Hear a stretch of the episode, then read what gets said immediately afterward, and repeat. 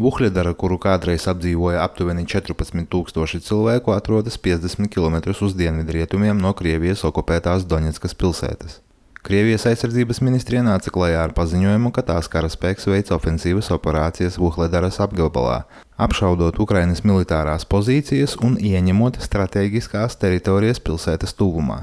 Savukārt Ukrainas armijas amatpersonas noliedz Krievijas apgalvojumus par tās izrāvienu Vuhļadaras virzienā, sakot, ka Maskava pārspīlē savus panākumus. Kā paziņojis Ukrainas bruņoto spēku austrumu grupējumu pārstāvis Serhijs Čerivatīs, Vuhļadaras tuvumā turpinās sīvas kaujas bet Ukrainas spēki ir spējuši atturēt Krievus no jebkādu būtisku panākumu gūšanas. Pēc Čirivatēja teiktā, ienaidnieks pēdējās dienas laikā Ukraiņu pozīcijas Vuhļadaras virzienā apšaudījis 322 reizes, kā arī 58 reizes mēģinājis pāraut Ukrainas armijas aizsardzības līniju, izmantojot dzīvo spēku. Čirivatīs atzīmējis, ka Krievija cieta smagus zaudējumus. Pēc Čirivatēja aplēsēm Ukrainas karaspēks pēdējās dienas laikā iznīcinājis 109 Krievijas karavīrus un 188 ievainojis. Tikmēr Ukrainas Nacionālās drošības un aizsardzības padomes sekretārs Oleksijas Daņilovs savā vakardienas intervijā Rādio Svoboda teicis, ka Krievija gatavojas jaunam ofensīvas vilnim Ukrainā, jo tai ir nepieciešams gūt panākumus frontē līdz 24. februārim.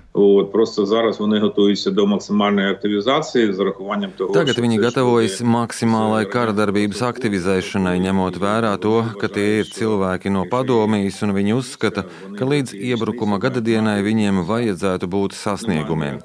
Nav noslēpums, ka viņi, kā saka, gatavojas jaunam vilnim līdz 24. februārim. Ir izpratne, kuros virzienos viņi vēlas kaut ko darīt.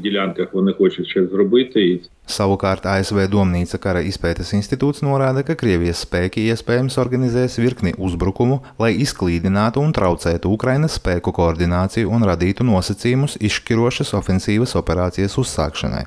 Tikmēr Ukrainas Nacionālās pretošanās centrs nācis klajā ar paziņojumu par to, ka Maskava piespiedu kārtā izved Krievijas armijā mobilizēto ukraiņu vīriešu ģimenes locekļus no okupētajām Luhanskas apgabala teritorijām. Maskava sola nodrošināt ģimenēm izmitināšanu attālos rajonos un sociālo atbalstu, kā arī bezmaksas izglītību universitātēs.